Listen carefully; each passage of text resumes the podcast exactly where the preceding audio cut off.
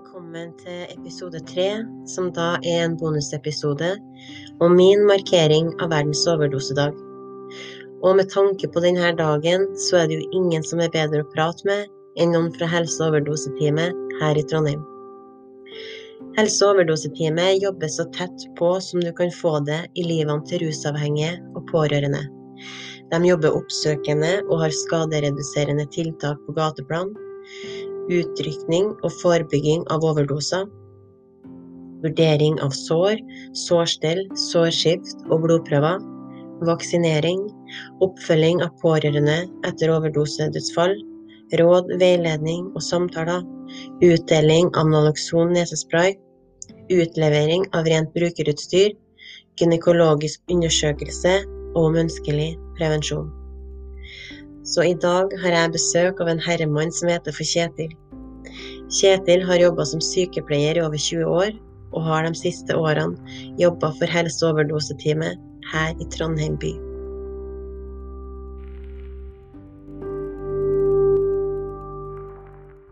Velkommen så mye til podkasten. For det. Eh, Kan ikke du fortelle litt om eh, helse- og overdoseteamet? Ja, helse- og overdoseteamet i Trondheim eh, Vi har jo en eh, historikk helt tilbake i 2001 der det ble oppretta. Det var oppretta som et prosjekt etter at det var mange dødsfall blant eh, rusavhengige i Trondheim i 2001. Og da var det en, eh, den gangen det som het for ambulansearbeider, den gangen en Kai Kolmannskog som meldte inn behov for hvorfor har ikke vi et overdoseteam i Trondheim. Ja. Uh, og fra der så begynte det å, å, å, å opprettes, da.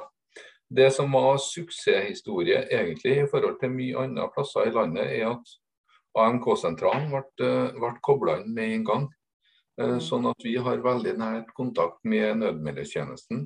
Mm. Som òg da gjør at vi per i dag går med nødradio på oss, sånn at vi sammen med prehospital tjeneste og, og, og, legebil og sånn rykker ut sammen med dem. Og litt med tanken på at vi kjenner de rusavhengige i Trondheim ganske godt. Ja. Og det er en trygg, trygghet for dem, det er en trygghet for uh, prehospital tjeneste. Og så er det én ting til som er veldig bra, at det forhindrer at det rykker ut politi samtidig som det er overdoser.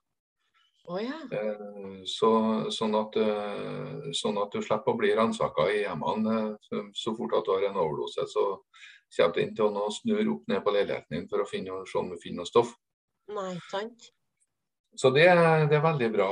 Eh, ellers så når overdoseteamet starta, så var det jo bare med to stykker. Og de satt jo på et kontor og håpa at de rusavhengige skulle komme på besøk. Dem. Ja. Det var det ingen som gjorde. Eh, så det som skjedde da, at de begynte med oppsøkende virksomhet. Og så har teamet blitt plussa på underveis. Eh, Vi har vært en ren sykepleiertjeneste. Eh, Ikke fra starten av, men etter hvert så har det utvikla seg til å bli en sykepleiertjeneste. Eh, Spesielt da etter at Jan Erik Sjølås kom inn og, og var leder, så ble det en ren sykepleiertjeneste. Ja. Fordi vi driver stort sett med helse. ja. Det her er bare noe Trondheim har, ikke sant? Det er, det, er for, det er forskjellige utgaver av, av team rundt omkring i landet. Eh, Noen har en mer tverrfaglig sammensetning av, eh, av fagpersonell. Ja. Eh, Noen har sosionomer, vernepleiere, spesialpedagoger, alt sånne ting. Eh, Men vi har det ut i, rundt, rundt oss. Så vi har jo flere team vi jobber sammen med, som vi samarbeider med, som har de profesjonene der. Så vårt fokus er helse. Ja. Og helse og forebygging og, den, eh, og nærkontakt til brukeren. Det vil si, derfor er vi mye ute. Ja. Vi driver jo òg vår egen helsestasjon, Mm. og vi har legetjeneste hver onsdag. Har dere mye kontakt med pårørende òg oppi der? Eh, Vi har en del eh, eh, pårørende som henvender seg til oss. Eh, Vi har en del pårørendeoppfølging i forbindelse med dødsfall. Eh, Mm. Da er vi som har oppfølginga av, eh, av pårørende. Ja, ikke sant. Å være pårørende til rusavhengige, det vet jo de fleste at det er, det er veldig mye tabuer rundt det å være eh, mor og far til en rusavhengig. Det er mye skam forbundet med det her. og Og Derfor så er det bestandig litt vanskelig. Og det Ja. seg at de tar kontakt med oss. Ja, jeg tenkte jeg skulle komme litt tilbake til det spørsmålet, for det er jo det episoden egentlig handler om, eh, pga. den markeringa på verdensdagen. Um, men hva skjer egentlig da når eh, et menneske tar overdose? For dem som ikke vet det. Det som skjer når du tar en eh, overdose nå, da er det jo, er det jo litt prisgitt at de som er rundt deg, ringer 113. Ja. Uh, nå er brukermiljøet i Trondheim vært veldig flink til å så, eh, hente motgift, eh, nesespray. Eh, Naloxon nesespray, sånn at vi har sett noe spesielt nå i koronaperioden. Så har vi hatt veldig mye kameratredning. Eh, Så de bruker nesesprayen for å få oppheva det opioidet som er tatt. da. Det, det som skjer med overdose, er jo at de medikamentene som inntas, er dempende på bevissthet, på respirasjon, altså pust. Og som eh, igjen kan føre, da, hvis du stopper å puste, så får du en eh, det høres fint ut, en sekundær hjertestans. da, At eh, hjertet får ikke nok oksygen og, og slutter å slå. Mm. Eh, Så vinduet er ganske, vinduet er ganske eh, smalt. Så eh, tids, tidsaspektene her er viktig. Men den eh, nesesprayen der, den funker bare på eh, morfin og heroin og sånne ting, eller funker den Ja. på pilleoverdose? Eh, nei, den virker Den er ikke Altså, alt som har opioider i, i seg, da, det er jo som du sier, morfin, eh, eh, heroin, eh, som er i den sjangeren der, da. Eh, Mm. så opphever det effekten av det. Det her er jo fordi sånn, du har litt sånn komplisert laga opp i hjernen, sånn at du har spesielt to reseptorer i hjernen som er med å dempe, eh, dempe det her. Og det, den motgifta den opphever effekten i den ene reseptoren der, da, sånn at du begynner å, begynner å puste igjen. Mm. Men uh, hvis du blander benzodiazepiner, altså som valium, stesolid, samor, Sanor, alt det der, så virker det på den andre reseptoren. Du begynner å puste, men du sover fortsatt. Ja. Derfor er det litt viktig at det blir varsla innad i, i, i sykehuset. At, uh, så det kan godt gjøre at du får vedkommende til å puste igjen, men, men ikke nok. Sånn at du må ha hjelp av prehospital tjeneste. Ja, for det er noen som er litt usikre på når man skal ringe inn. fordi at uh, når man bruker heroin, morfin, så blir man jo sløv og søvnig, og Ja. ofte dupper bort. Så når er det man egentlig skal ringe? Da er det noe tegn som kroppen gir, at her er det alvor. Her er det ikke bare en vanlig uh, soveprosess, men her er det faktisk en overdose på gang. Ja, her er det, det, det er to ting som er viktige her. At, du- at du er godt nedsøvd og er litt bevisstløs og har det egentlig godt i rusen. Ja. Eh, Så er det to ting. Det er hudfarge. Eh, Hvis du begynner å bli blå på leppene, eh, blå på neglebåndene, så er det et kjempedigert faresignal. Ja. Og så er det en pustefrekvens. Altså Normalt så puster vi mennesker mellom 15 og 20 ganger i minuttet. Mm. Eh, Når du tar en kraftig overdose, så vil eh, pustefrekvensen din komme under 10. Og hvis det er under 10 i minuttet, så er det et faresignal. Så Ja. vårt tips til dem som er å hente nesespray, det er at prøv å vekke vedkommende. Og hvis den ikke er vekkbar, og han puster under 10 i minuttet, gi spray. Og for all del, ring 113. Ja, ikke sant. For når jeg opplevde den siste overdosen som jeg var med på, der hadde jo hun tatt eh, eh, morfinpreparat. Eh, men det hørtes ut som hun lå og snorka. Ja, snorkende respirasjon det er tegn Ja. på at du har ufrie luftveier. Ja, for da ringte jeg jo til dere, og så lurte jeg liksom på, for jeg fikk ikke liv, ja. Ehm, men hun, hun snorka så gærent at jeg trodde det måtte jo være liv, ja, siden hun snorker. Men da sa jo din, sa jo din kollega at, eh, at nei, det her er overdose. Hvis hun ikke liksom, du får øyekontakt med henne, og hun ikke svarer deg, da. Ja. Mm. Eh, Og Det er veldig viktig det der med å sjekke hvordan de puster. Hvis du har den dype, snorkende respirasjonen, så er det tegn på at du har ufrie luftveier. Mm, ikke sant? Eh, Så få retta opp, opp hodet, og så går det som regel greit å få pusta litt mer. Det er det Men- observasjon. Ja, ikke sant. Men så har vi jo de miljøene, eller dem som ikke ringer inn òg. Ringer inn overdosene. Hva tror du Hva tror du skjer der, eller har skjedd, eller? Eh, det, det er som har skjedd nå, er jo som sagt at, eh, at eh, jeg må gi full honnør til brukermiljøet, spesielt i Trondheim. Jeg har jo bare kjennskap til Trondheim, da. At de har vært utrolig dyktige til å hente ut den nesesprayen. Så de, jeg tror de fleste de har berga folk på nesespray.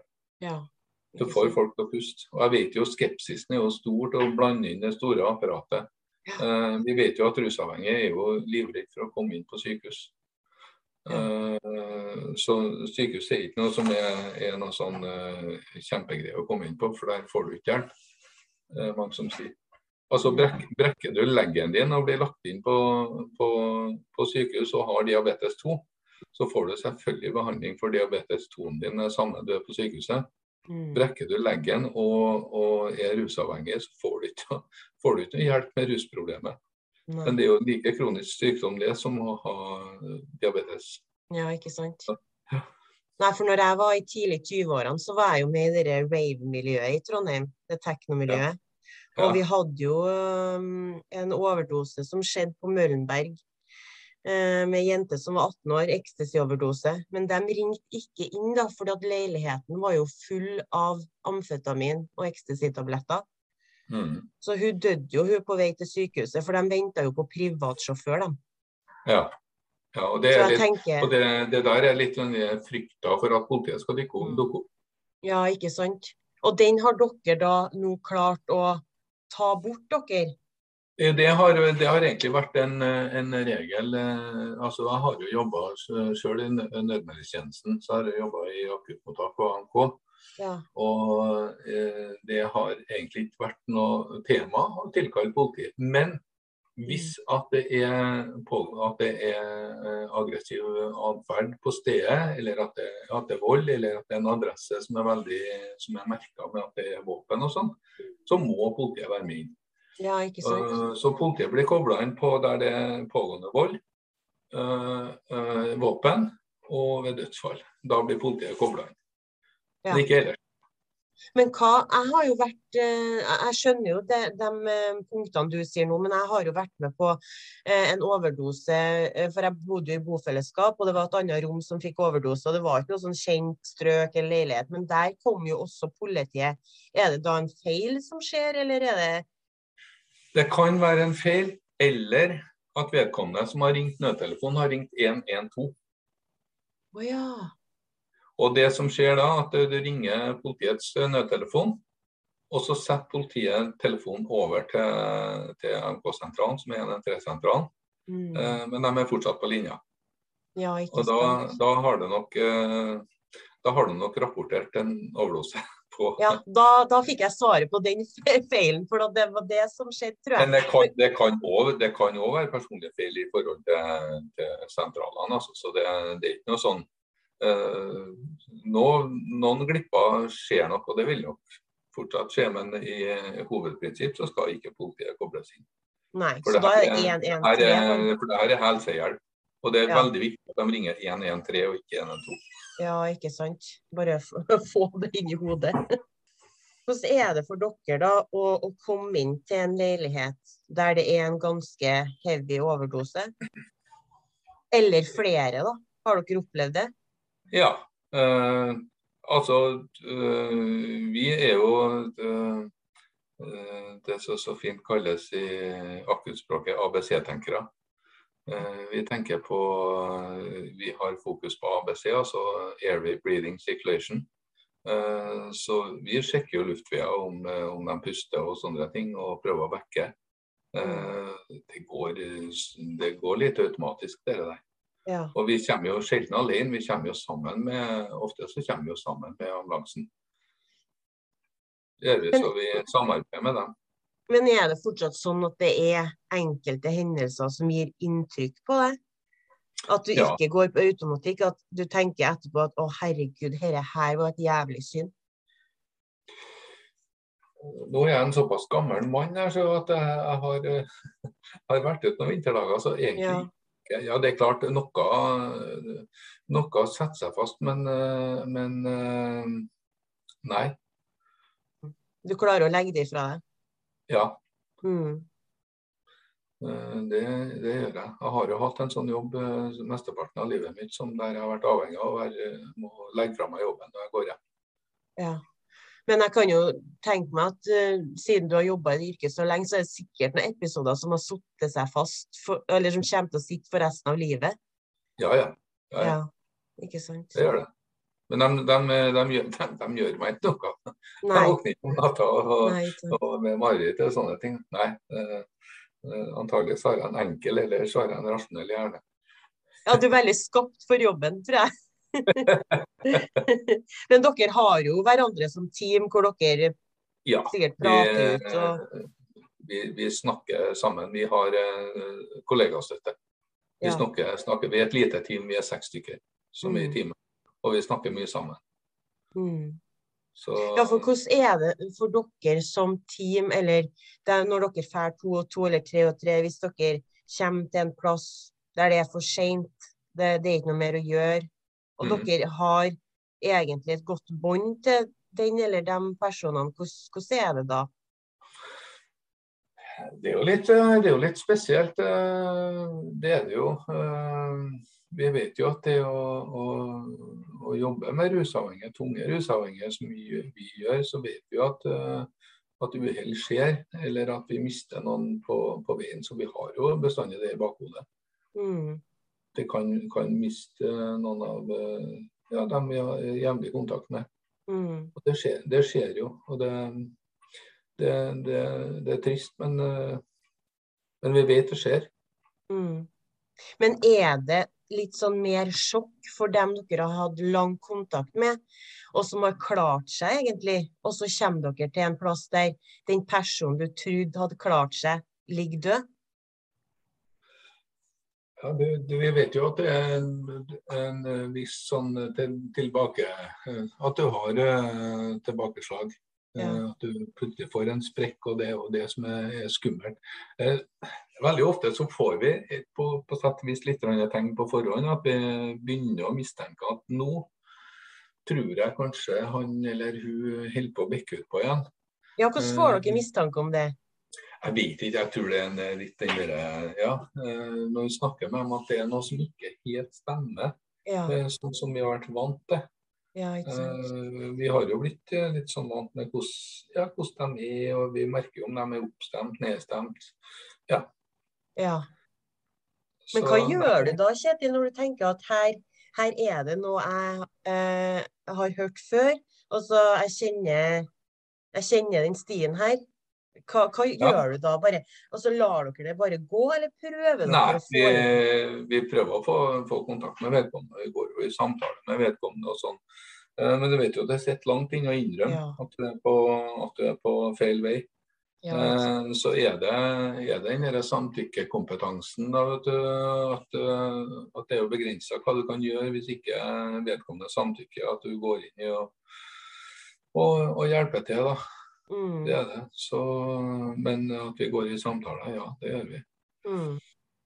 Men har du noen gang blitt sint på rusen for at du har mista et menneske som du har brydd deg om? At du tenker faen også, helvete. Ja, nei, det, det, nei, egentlig ikke. Ja, sint på rusen det kan jeg alltids være, men, eh, men eh, vi, vi, ser jo daglig hva det vil si å være rusavhengig. Mm. Uten at vi vet Altså, vi ser hva det vil si å være rusavhengig, men vi er heller ikke i en situasjon at jeg kan gå bort til en som er rusavhengig og si at jeg skjønner hvordan du har det. For det kan ikke jeg si. Da mm. lyver jeg. Mm. Eh, da har ikke jeg noen troverdighet noe lenger til vedkommende. For jeg kan ikke gå og si at jeg skjønner hvordan det er rusavhengig. Jeg har ikke peiling. Men jeg ser at de kan ha det vondt.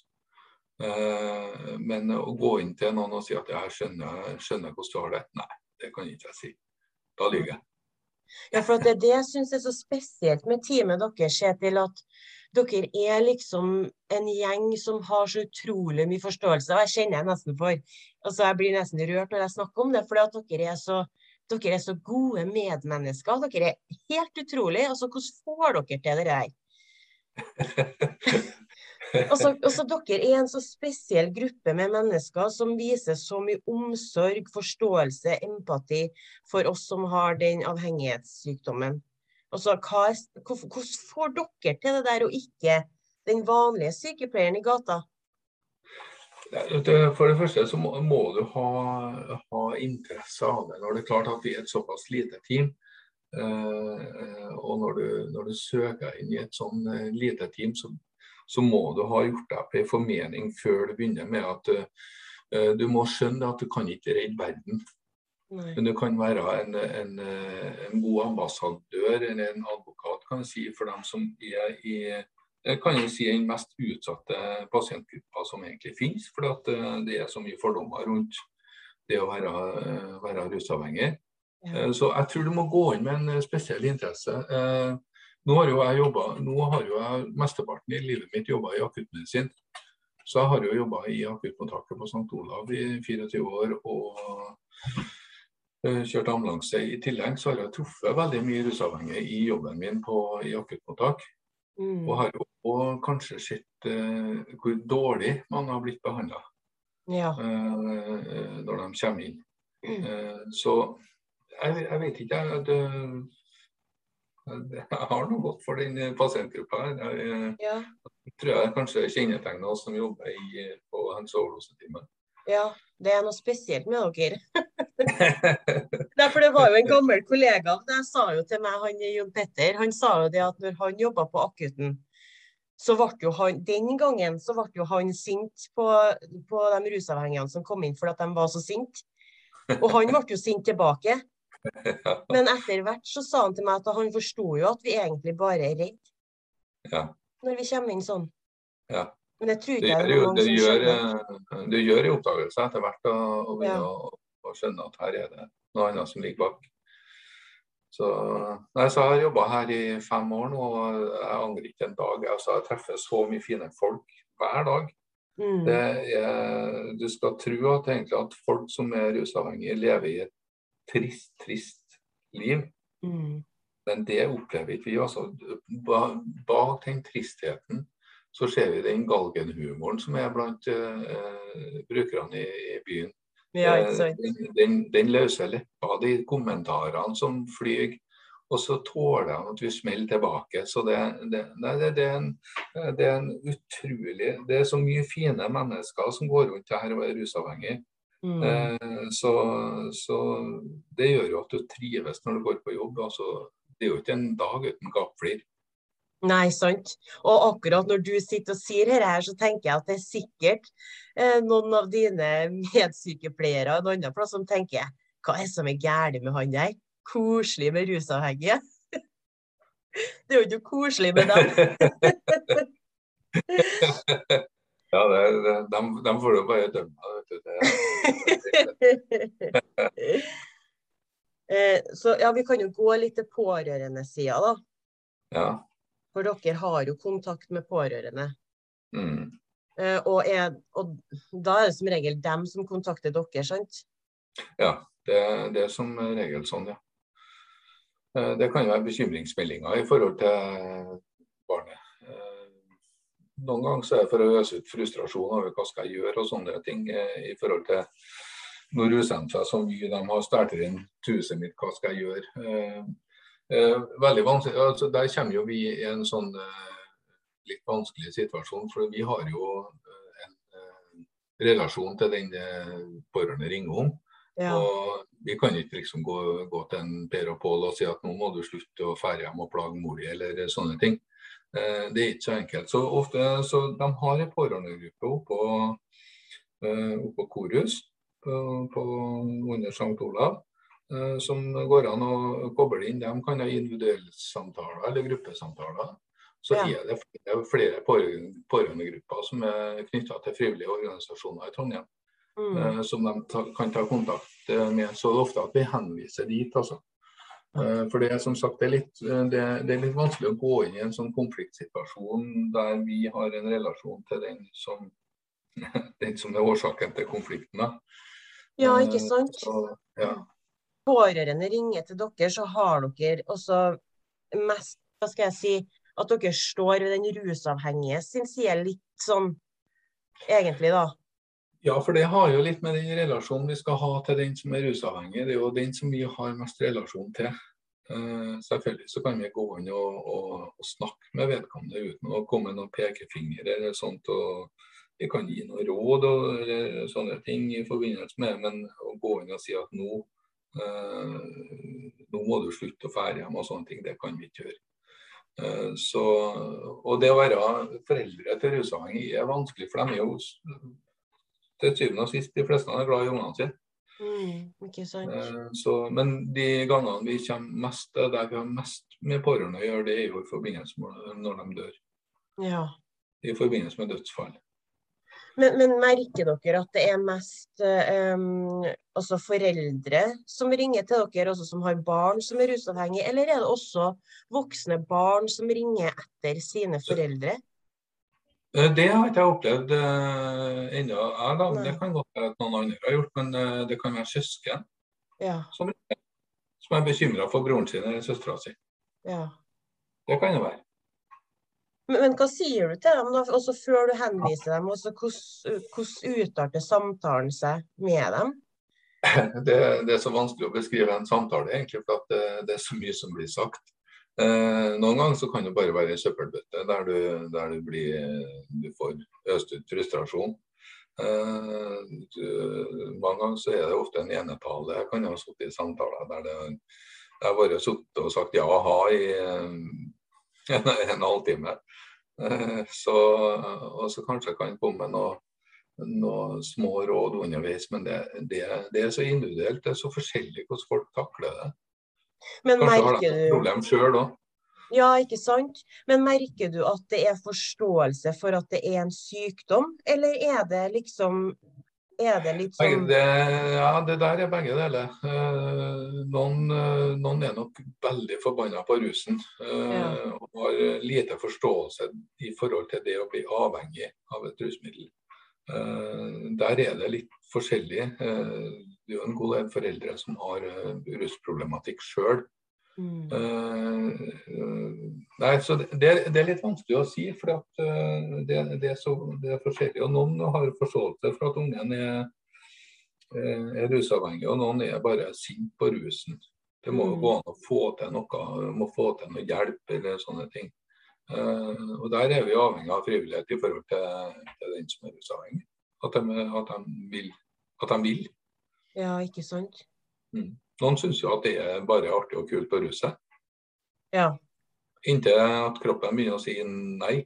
Mm. Og de fleste vi jobber med, har jo en kropp som har begynt å sagt nei. Mm. Ja, det, det er ikke, nå er det ikke lenger rusopplevelsen som er størst, men det er behovet for rus, rusmidler. Mm. Du har fått en fysisk avhengighet. Ja, og, hva, um, og når vi er inne på den, eh, det punktet der, da. Eh, når man er blitt gammel, altså man er 50, 55, 60 år og skikkelig rusavhengig, hvordan ser du da at eh, et menneske kan eh, få et verdig liv og komme seg ut av rusen? Er det da LAR, mener dere? Eh, nå, du, hvis du stiller det spørsmålet til meg som privatperson, mm.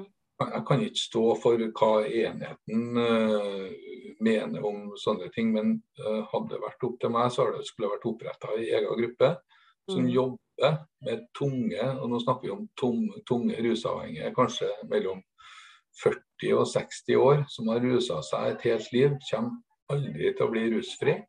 Uh, at de har fått kvote på et medikament som gjør at de, de blir dempa og blir stående på den kvota.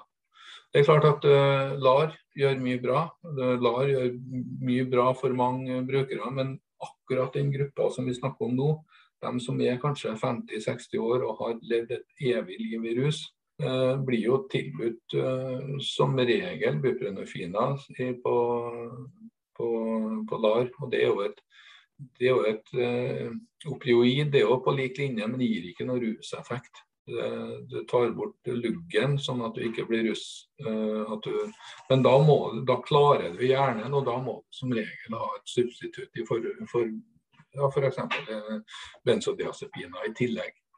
Så egentlig så dytter du på en, enda en uh, dose med et medikament som kanskje, hvis de har fått noe annet, har, har fungert bedre. Så de slipper å ta to medikamenter. Ja.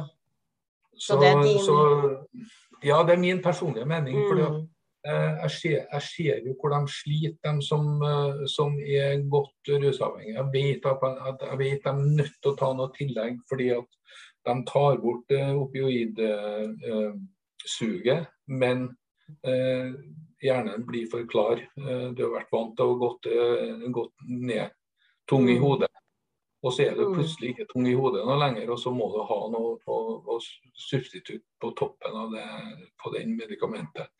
Så egentlig så har jeg skulle, som, jeg, som sagt helt personlig, skulle kunne tenkt meg at et, et team har jobba for de tunge, tunge rusavhengige.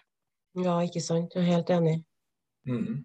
Men hva er deres mening med, med det styret som hele tida skjer i Trondheim, med sånn kvoteutskriving fra lege og sånn. Hvordan dere stiller dere da? For jeg mener det at hvis man er rusavhengig av morfinpreparat, da, og, og mm. venter på innleggelse til behandling, så mm. ser ikke jeg noe i veien med at legen kan skrive ut for den perioden. Sånn at man slipper Ja, det kan de jo gjøre. Uh, uh, så Ja, for jeg vet jo at det er mye leger som har fått refs pga. det der og mista lisensene ja. sine og tjo og hei. Mm, det hvis du skriver ut for, en, for en lang, for, for lang periode, så kan du nok gjøre det. Ja. Det, altså, det, det som altså, har, har, vi sittet med reseptblokk, så kanskje vi har tenkt litt annerledes. Men, mm. men, eh, til syvende og sist så er det så avhengig av den som sitter med reseptblokka.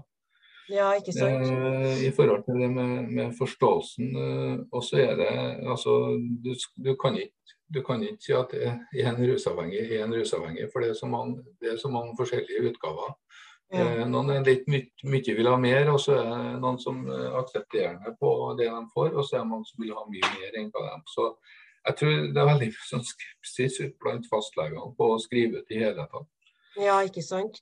Men eh, Kjetil, kan ikke du si litt om, om hvor viktig det er å ha så ikke jeg sier noe feil her, men fast medisin til man skal legges inn i behandling. For at jeg har møtt fagfolk i mitt eget team, min egen ansvarsgruppe, som var imot at jeg skulle få kvoteutskriving av morfinpreparater fram til jeg skulle legges inn i behandling.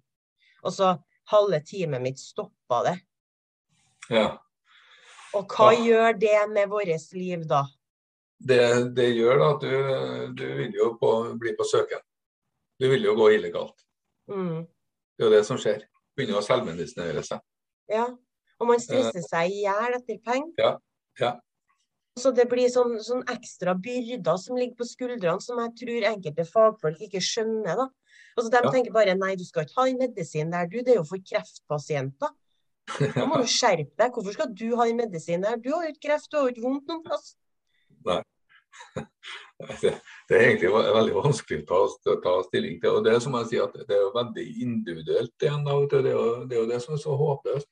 Mm. At, at, eh, men selvfølgelig har du vært stabil på et medikament til du skal inn i rusbehandling, så er jo det det mest eh, ypperlige. Uten at du er nødt til å ut på det illegale markedet. For det første bruke mye penger, og den uroen med altså at du skal skaffe. Eller at du til en e-, evig tid er nødt til å tenke neste dose.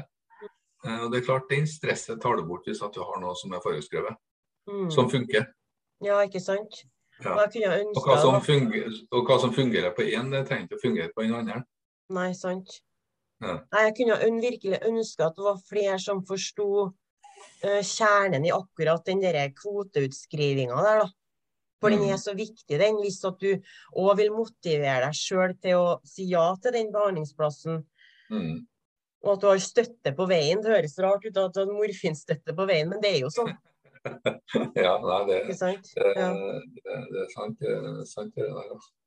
Men litt tilbake til, til pårørende igjen. Da. Har dere også altså, eller, hva, hva, sier du til pårørende som ringer og er bekymra for sønnen eller dattera, og så sitter de med et rusproblem sjøl?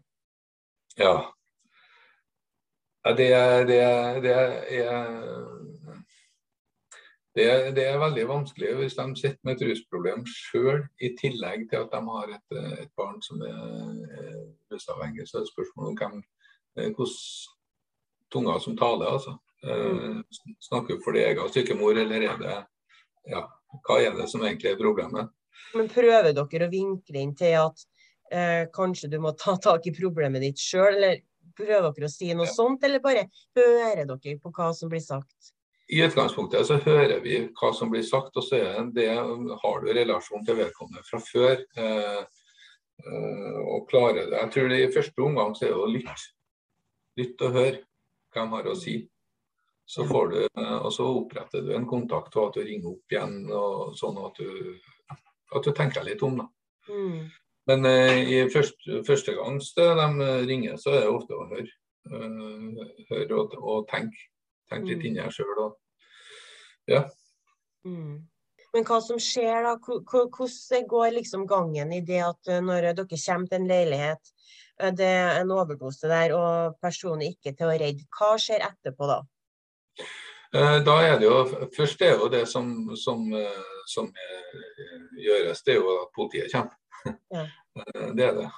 Og sånn rent sånn praktisk teknisk så er det ofte i, kontakt med politiet. Og det kan være uh, i det er jo flere ganger at vi har fått, fått av beslag som er gjort i leiligheten til, av politiet for å finne ut om det er noen veldig farlige stoffer som er ute og går i, i byen. Vi har jo fått avdekket ganske farlige stoffer i forbindelse med dødsfall, fordi at vi har fått uh, fått en eh, dose av eh, politiet som vi har fått analysert på farmakologen. Noen som vi for, for, øvrig har en meget god kontakt med og godt samarbeid med.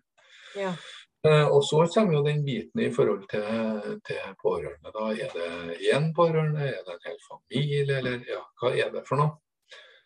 Og Da går vi inn og har en førstesamtale med, med pårørende og dem som er involvert. da. Eh, I forhold til pårørende så det, kan det være greit at det er vi som har samtalen, fordi at uh, vi har litt mer forståelse for rusfeltet. Ja. Uh, vi kan uh, Til dem kan vi heller ikke si til dem at vi skjønner hvordan de har det, for vi har ikke rusavhengige unger sjøl. Men ringer dere dem? Nei, vi, vi, ringer først, og så avtaler vi møte. Men sier så. dere noen ting da på telefon hva det gjelder? Eh, nå, nå er selve dødsbudskapet blir som regel eh, gitt av prest eller politi. Okay. Selve dødsbudskapet. Men vi kan òg gå inn i avtale med eh, prest og politi at vi tar det. Eh, de gangene jeg har vært med i pårørendesamtaler der, så har eh, dødsbudskapet kommet på forhånd. Eh, ja. Sånn at de vet at når, og da når vi kommer inn i der, så er det i samtale. Da ringer vi på forhånd og avtaler at nå kommer vi. Ja. Og så setter vi oss ned og prater. Og da har vi et møte før det, rett etter at dødsfallet eh, har skjedd. Eh, og da innhenter vi oss informasjoner i hva som har skjedd i forløpet, hvor jeg varsla når Jeg er veldig oppsatt på når jeg kommer til pårørende, så, så sjekker jeg ut når ble det varsla, når kom ambulansen frem, hva ble gjort når ambulansen kom på stedet. Det er tatt ut fra ambulansejournaler.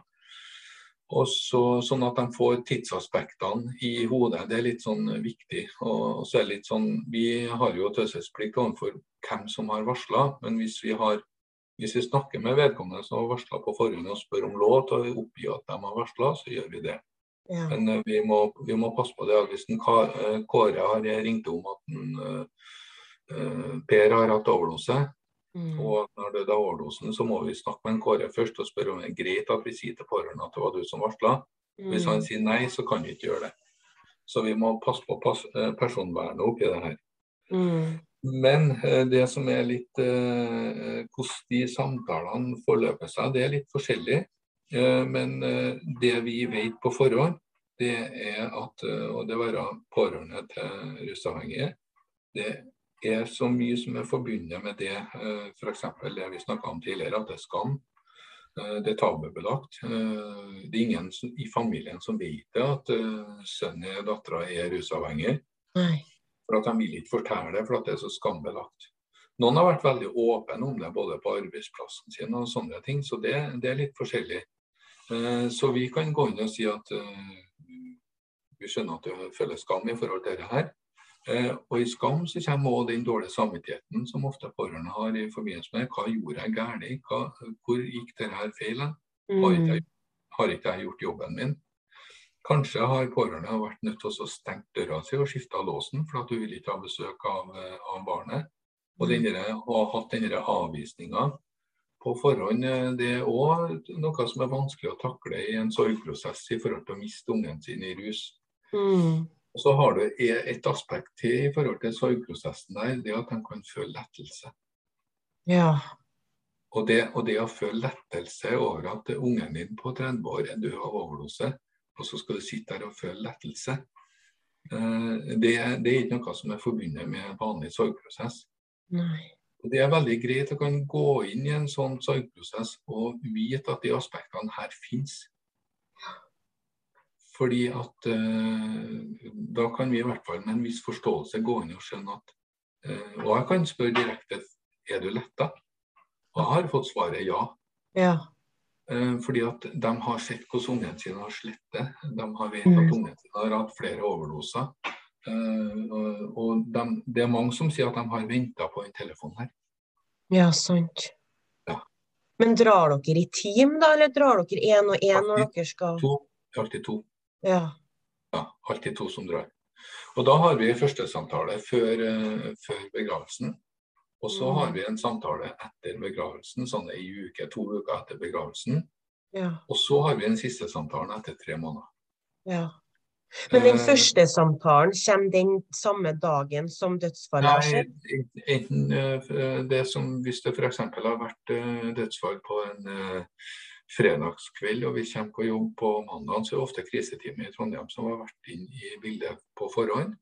Men de overlater ofte saken til oss. Ja. At vi, at vi tar den videre oppfølginga.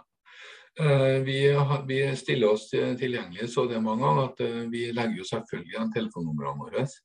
Eh, Og det er mange ganger at jeg har pårørende som har ringt meg om små detaljer, om praktiske ting i forhold til ja, alt mulig sånn. Så de, vi har de, de faste oppsatte tre samtalene, men samtidig så er vi åpne på telefon. Vi, vi er tilgjengelige på telefon i kontortida. ja. Men hvordan er dere når dere kommer hjem til, til pårørende som nettopp har mista noen? da? Hvordan, altså, hvordan, hvordan tar dere det? Altså, dere sitter der i sorgen med dem? Ja. Eh, Det der, eh, det der er det en fordel å ha levd en stund. Ja. Eh, Og du kommer jo som et medmenneske. Mm. Og vi opplever jo gråt, sinne, ja, alt mulig av reaksjoner kan vi jo få. Det er jo det egentlig å sitte og ha roen, være, ha evnen til å lytte. Mm. Hvor lenge er dere der, da? Det er ca. en times tid. Ja. Det er det. Og hvordan er det da å dra derfra hvis at det er så ille med sorgen at eh, de ikke vil, eller den personen ikke vil at dere skal dra eller være Men da kan vi ikke dra. Da kan vi, nei, det der er jo sånn eh, Det er ikke noe sånn at de plutselig reiser og sier at nå drar vi. Nei, nå har det eh, gått en time, nå drar vi. ja, Ja. da, da er det Nei, du, du må jo vise menneskelighet oppi det, det hele her. Men uh, ofte at du, du, merker, du merker fort at det begynner å dra seg mot slutten av samtalen. Og så oppsummerer vi litt på slutten hva har vi vært gjennom.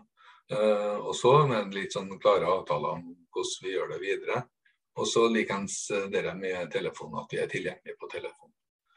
Uh, jeg har vært med på å lest, uh, altså, og det er jo veldig mange som er opptatt av hvordan de har dødd, har de merka noen ting når de har dødd, og sånne ting. Og det kan jo si med ganske med hånda på hjertet si at det er sjelden at en mye dramatisk død i forbindelse med en overdose. For du sovner jo inn, du merker jo ingenting. Du bare sovner inn. Ja, Og de fleste dødsfallene eh, er jo sånn at eh, de har jo satt medikamentet, og så har de dødd i løpet av seks-sju timer. De har bare sovna og pusta saktere og saktere og saktere, og til slutt så har det ikke ville ha vært nok oksygen i kroppen til å fortsette livet. Eh, Så det har, det, ikke, det har ikke vært en sånn smertefull død at det har ligget i krampe og sånne ting. Nei. Eh, Og det, de fleste dødsfallene er jo i forbindelse med inntak av eh, opioider. Da. Det er noe morfin, heroin, blanda med benzodiazepiner. Mm. Det er vanlige kombinasjoner. Men er det en ting som går igjen i de pårørendesamtalene som der det er død som har skjedd? Eh, Som er likhetstrekk, da kan du si, si, med kanskje- som har mista noen? Kanskje det der med den der frykten. eh, At de hele tida har hatt en frykt. Ja. eh, på når får jeg den telefonen her. ja. Det tror jeg den har nok gått igjen, at de, de har vært redd for Mm. telefon. Det tror jeg kanskje går igjen. Ja, ikke sant. Og hører du ofte fra mødre at de kan si 'jeg kjente det på meg'? Ja, ja, Ja. ja. for det er litt sånn rart, det der det, det båndet mellom mor og barn. Ja. Når barnet forsvinner, så kjenner liksom mora på kroppen at det er noe som er feil. Ja, som da. ja. Mm. Den drømte magefølelsen. Ja, ikke sant. Ja, ja. Men da hadde dere en samtale med dem. Eh, Du sa med en gang dødsfallet skjer, og så hva du sa etter Etter, begravelsen? ja, en, en til to uker etter begravelsen. Og så har vi en uh, siste samtale etter en tre måneder. Er dere med i begravelsen? Nei. Kan jeg spørre Det- hvorfor dere ikke er der, eller er det Eh, egentlig så er det vi, vi har jo en del som dør. Eh, og så er det, et spørsmål om eh, du kom i begravelsen der, men ikke i den begravelsen. For det er jo noen ganger at det ikke passer at vi drar i begravelser. Så eh, egentlig så har vi hatt det som et prinsipp å ikke delta i begravelser. Men ofte hvis, du, hvis du har eh, hatt primærkontakter innen, eh, innen rus, da, at du har eh, hatt uteteam eller at du har bodd i boenhet eh, der du har hatt primærkontakter, så vet jeg at de stiller opp i begravelser. Men vi har, vi, har ikke, eh, vi har ikke noe oppfølging. Ingen av de brukerne som vi jobber, har, har vi lov, lovpålagte oppfølgingstjenester på. Nei. Og det er kanskje litt Du holdt på å snakke om det, det å jobbe i helse- og overdoseteamet, så er det litt det der at vi, har, vi er ikke en lovpålagt tjeneste. Så de tjenestene vi, eh, vi driver, de er ikke lovpålagt. Og det gjør kanskje jobben vår litt lettere, fordi at uh, vi, kan ikke, vi har ikke noe ris bak speilet. Nei, sant. Vi kan, si det at, uh, altså vi kan si til noen at det er så rotete i huset ditt at nå blir vi kasta ut. Nå skal vi kaste deg ut. Det, det, den, det har ikke vi. Eh, Så vi har ingen lovpålagte tjenester med dem vi jobber med. Nei, Det, sant. Det, er en, det er en fordel for oss, da. Ja. ja, helt klart. Men merker du at uh, etter vedkommende har dødd av overdose, og dere har snakka med, med pårørende den første gangen, andre Mm. gangen og så den siste gangen etter tre måneder, var det? Mm. Hvordan er de da? Er de fortsatt like Det, det, er så, det er så forskjellig det er i forhold til sorgreaksjonene, i forhold til faser i sorg og sånne ting. at eh, Du har jo fornerpningsfasen, du har jo sjokkfasen, fornerpningsfasen, og så har du den fasen der du sånn ny, uh, nyetableringsfasen, der du skal begynne å komme, tenke hakket videre. da. mm, Uh, vanligvis så har det begynt å komme der når det er etter tre måneder. Så at vi bruker tre måneder er jo litt sånn bevisst valg i forhold til, til, til det vi kan om sorgreaksjoner. ja, Eh, noen har kommet videre. Eh, noen står og stamper. Eh, fortsatt med sinne på, på, på rusen, på at de blir stående i ro. Eh, og vi har jo som sagt dere, de pårørendegruppene som vi kan eh, henvise til. Da. Og det er klart Hvis vi ser at dette her må vi følge opp litt videre, så gjør vi det. Det er ikke noe sånn, det er, ikke- det er ikke, det er ikke, nedfelt i lov at det bare tar tre. Men i utgangspunktet så tar det tre. Ja. Eh, Men er det, er det mange dere har kontakt med lenger enn den perioden òg? Og så jeg tenker år, eller har det gått år? Eh, noen jeg, jeg, jeg har ikke hatt det, men jeg har jo folk nedpå her som har fulgt opp noen i eh, fem-seks år, faktisk. Ja. Eh, Der, der kanskje de siste samtalene har gått mer over til at, eh, at, det, at det er litt sånn Hvordan har du det nå? Eh, Så det har blitt, bare vært en sånn Tar en prat på telefonen og sånne ting, men at de vet at vi er her. Mm. Så det, kan, det er noen som har holdt på i lengre tid med noen. ja. Det det. Men hvilke råd gir du dem da, Kjetil, når de ringer og er helt knust og vet ikke hvordan de skal ta fatt på livet videre? Nei, det, og ofte så er det, det er sånne ting som er litt vanskelig å ta over telefonen, og da anbefaler vi heller at vi treffes. Det, er så mye bedre å sitte face to face og, og kan, kan, kan vurdere. Eh, rådene er litt vanskelig å beskrive. For det, det, er som sagt så individuelt hva, hva de egentlig trenger hjelp til. Mm. Det kan være sånne små praktiske ting vet du, som vi kanskje kan bistå med. Vi har jo bl.a. med uh, inn, innsyn i leilighet der tingene har skjedd, og sånne ting der vi har kunnet, for de lurer på hvordan det ser ut og sånne ting, så kan vi være med og bistå så de får komme inn i leiligheten og sånt. Oh, ja. Det er altså eh, Pårørende vil gjerne tilbake til den leiligheten? Hvor... Ja, og, og der må jo Vi har jo sett en del sånne leiligheter fra før. Ja. Uh, og Vi må jo orientere dem på god tid forveien om hvordan det kan se ut. Ja, uh, og Det er mange som ikke har sett i leiligheten til sønnen eller dattera si, og som blir mildt, mildt sagt sjokkert. Ja. For det, det er ikke bestandig pent og ryddig. Nei, det er jo ikke det. Det er ikke det. Så, og så kan det være i forhold altså, Det blir jo bestandig gjort en rettslig obduksjon av dem som, som har dør av en, en overdose. Og det, jo, det, tar jo åtte år for, før at den, den rapporten fra, fra patologen foreligger. Eh, ja. Den blir og det, Jeg har jo vært med og lest eh, den rapporten sammen med pårørende, for det står så mye på latin der at det, det er litt oh, ja. greit å ha med. Det er greit å ha med en som har eh, medisinsk kunnskap til og kan forklare dem hva som egentlig står. Ja, ikke sant? Ja. For stå, Der står det jo detaljert om uh, hvert enkelt organ og sånne ting. Og så har du litt reaksjon på kjære venner, har de tatt ut hjertet? Har de sjekka det òg?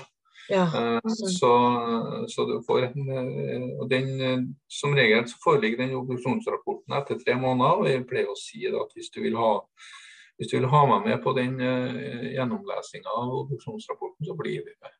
Mm. Så det ja. kan, være, kan være en faglig støtte og kan forklare. Men så dere en stigning i overdosene når det var sånn skikkelig koronanedstenging nå? Nei. Nei. Nei, og det er litt uh, overraskende, for ellers i landet så har eh, har gått rett i været. Overdosedødsfallene ja. har gått opp. Trondheim har gått ned. altså, hva er din, hva er din uh, tolkning på det? Vi har hatt det åpent. Ja, Vi har ikke stengt. Ja, vi har ikke stengt ned tjenesten. Nei, sant. Eh, vi har, eh, altså, vi har vi har ikke stengt ned, eh, vi har begrensa tjenesten, men ikke stengt ned. Eh, sånn at vi har hatt helsestasjonen vår åpen, men at vi, at vi har litt sånn besøkskontroll på hvem som kommer, og med munnbind og tatt eh, de smitte, smittereglene. Og så i en periode så var den Gryta, aktivitetssenteret vårt, vært nedstengt. Men da bretta de opp armene der og begynte å smøre matpakker.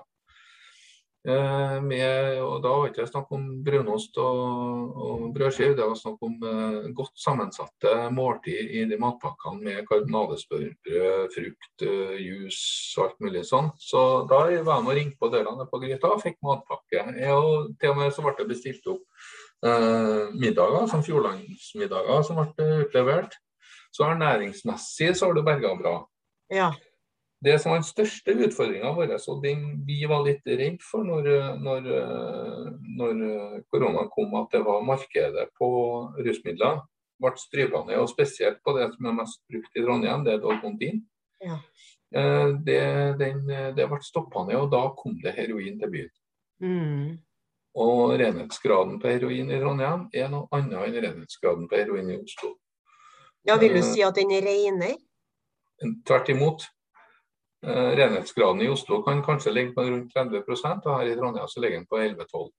Ja, sant. Ja, så den er godt bøffa ut. Mm. Eh, og det som, altså Har du en tablett med Dolcontin på 200 mg, så vet du at du har 200 mg. Mm. Hvis du da kjøper et gram med heroin, så vet du ikke renhetsgraden. Mm. Men det vi så, og som jeg har uh, gjentatt egentlig til det kjedsommelige, det er full honnør til, til brukergruppa i Trondheim, der det ble kjøpte inn heroin, og det ble brukt heroin i stedet. Så begynte de å ruse seg sammen. Og så var de her, var de her og henta ut motgift. Så vi, har hatt en, vi har hatt enorm utdeling av uh, nesespray i den perioden her. Ja. Så, så all honnør, jeg må virkelig si all honnør til, til rusavhengige i Trondheim mm. som er på, på, på minusbrukere. Mm. Uh, at, de, eh, at de faktisk har tatt ansvar. Ja, sant. Ja. Men det har jo dere òg, og kan vi nesten si at Trondheim har egentlig en ganske god rusomsorg? Alt, alt kan være bedre. Altså, Vi Mm. skal ikke hvile oss på laurbærene, nei. Nei. Alt, alt kan være bedre. Men jeg tror, vi, altså jeg tror dere gjør en veldig god jobb med tanke på tallene da, i Det koronatida. har vi nok. Det har, det har vi nok ja. Mm, Det, mm. det er vi. Så det er litt, eh, det, Og de har sett det på andre plasser i landet at de jøss, i Trondheim så har det gått ned. Ja, sant. Men, men eh, altså, de fikk jo mat, og de fikk eh, motgift. Men fikk Ja. de den, eh, også, den sosiale kontakten med dere, den praten? Altså, hvordan jobba Ja, ja. dere med den? Vi var på gata, vi. Ja, dere var på gata, ja. Som vanlig. Dere, dere fikk ikke beskjed om at nei, dere er i hvert fall i smittefare, så dere stenges ned. Nei. Nei. Nei. Det er jo helt fantastisk. Ja. Så vi var ute med munnbind. Vi ble tidlig vaksinert, da. det skal kommunen ha honnør for at vi ble tidlig vaksinert. Mm, Eh. For vi fikk få i oppgave å drive med koronatesting av, eh, av eh, rusmiljøet. Ja, Så vi har hatt egen, sånn, egen teststasjon vi. ja, ikke sant? Uten, uten at det er med drop-in. Ja. Men du, kan jeg tro på det som sto i avisa om at uh, rusavhengige, eller i rusmiljøene, så var det lite koronasmitte? Ja. Og hva, uh, har- hva tror du er grunnen til det? Jeg sier det. Det, det, det, det er ganske vanskelig. Vi hadde en eh, oppblomstring i jula. Da var det 23 som var smitta. Ja. Men den, den døde ut, den smitten. altså. Så etter det så har vi ikke hatt noe. Og Nei. Det kan hende at du kan si hvis, at, eh, hvis det kan regne rusavhengige som en egen kohort. Jeg vet da søren om det eh, Mm. og, og, jeg vet, at, og jeg vet jo at det har, blitt, at det har vært forska litt eller Jeg har tenkt å forske litt på hvorfor at, eh, at, eh, at rusavhengige har vært mer beskytta. Mm. Eh, Hvorfor? Eh, Det er vanskelig å si. Vi har jo, vi har jo hatt eh, flere som har vært eh, av dem som var smitta. Vi tenkte hvis han får korona, så er han ferdig. Mm. I da. Still going. Ja, det er jo helt utrolig. Ja. Men, men Kjetil, vi er jo snart ved veis ende her, og vi har jo Ja. hatt en veldig fin samtale. ja. Men til de pårørende da, som sitter og lytter på oss, ja. Hva vil du råde dem til? Dem som er pårørende og har et barn eller foreldre som er i aktiv rus, hva råder du dem til å gjøre med livet sitt? Ta tak i hvordan, den situasjonen de er i, da? Eh, Det, det, det er så vanskelig, for jeg vet at de, de, de fleste har allerede hatt den lange praten med ungen sin. Mm. Eh, om hvordan vil de takle det at, eh, at du kommer hjem og er rusa. Mm. Eh, det, det, er, det er så vanskelig, for det er så, det så touchy i forhold til for Noen sier at når, når gutten min er hjemme, så er han aldri så har jeg sagt kom hjem til meg hvis du ikke er rusa. Hvis du er rusa, så får du ikke lov til å komme hjem. Den regelen vet jeg at det er mange pårørende som har hatt, og den har til mange fungert. Eh, til andre så har den overhodet ikke fungert. Og så har du, har du det der i forhold til at de blir, blir stærtreine, at, eh, at eh, kontoer tømmes, eh, TV-en forsvinner, sølvtreet forsvinner. Mm. Det, er så, det er så vanskelig, akkurat den biten der. Jeg tror at kanskje den åpenheten som i hvert fall de får rydda unna litt, å være litt mer åpen i forhold til i hvert fall omgivelsene sine. At jeg har faktisk en sønn som er rusavhengig. Ja. Jeg har en datter som er rusavhengig. Mm. Ikke, ikke ha det, bære det inni seg, bare seg sjøl. Mm. Få med flere på laget. Eh, Mm. For det å bære sånne, sånn skam for seg sjøl, det er tungt. Ja. Veldig tungt. Så, så del. Og gjerne ta kontakt med for dem i Trondheim, gjerne ta kontakt med oss. Eh, Vi kan i hvert fall guide dem litt videre. Men er det mange pårørende som er klar over sjøl at de er medavhengige? Nei, det tror ikke jeg. Eh, Men kan du sier- si litt kort om det, Kjetil? Hva er medavhengighet? Ja, Det er jo det at du, at du har eh, Altså, livet ditt styres jo av den som er rusavhengig. For, du, for det første så er det så uforutsigbart hvor han i rusen er. Og som jeg sier, pårørende er redd for den telefonen som de skal få fra politiet eller fra sykehuset. Det gjør noe med den angsten som ligger i bakhodet på deg. Uh, uten at du egentlig er klar over det sjøl, så går du rundt med en, med en, med en angst for den, for den telefonen. Mm. Um, jeg tror du hele tida har en uh, har i bakhodet ditt på hvordan er det med nå, hvordan er det med nå, hvem kan jeg ta kontakt med for å finne ut hvor de har hvor, hvor er de i verden. Uh, hvem har sett dem? han har ikke sett dem på tre uker. Uh, hvordan er det? Mm. Uh, og det er jo den, Jeg tror kanskje mye av den bakenforliggende angsten den tror jeg er kanskje den største medavhengigheten du, du har. Mm. Ja, så tror jeg òg at pårørende de tror at de hjelper til. Uh, jeg skal kjøre den dit, jeg skal gjøre sånn og sånn, mm. men da er du på en måte litt medavhengig i det du legger til rette for at ja. sønnen eller dattera kan ruse deg. da, ruse. Ja. Her har du 2000 og kjøpt deg nye sko for. Ja, sant. Ja. Men det blir jo ikke nye sko. Nei. Nei, det blir det absolutt ikke. Hvor ble det av skoene dine? Ja, nei, de forsvant på veien. De ble stjålet. de ble stjålet, ja. jeg mista pengene. Ja ja, vi har jo et hav av unnskyldninger. Så... Ja, vi, har, vi, vi, vi, kan de fleste. Ja, men det er jo kjempebra, i hvert fall for eh, trondhjemmere eh, som sitter og er pårørende, at de kan ta kontakt med dere, da. Ja. Mm. Det er det. Så da kan vi enten ta den over telefonen, eller vi kan treffes, eller sånne ting. Vi er, ganske fleksible. Men da skal ikke jeg hefte deg noe mer, Kjetil. Da skal du få lov til å gå tilbake på jobb. ja. Det er finere, at i dag kan vi gå på byen òg, vet du. Ja, ikke sant? Ja, vi går. Og det er mange som, mange som sier heldige dere som har sånn møtejobb som kan være her ute i sola. Eh, det er vi, men vi er ute i januar òg, vi. Ja, ikke sant. Dere er ute ja. i all slags vær, og dere sykler hit og dit. og ja, ja, ja. Ja, ja. Altså, du blir ikke lat av jobben, nei. Nei. det er ikke. Men tusen takk for at du kom på podkasten, Kjetil. Yes. Snakkes vi senere.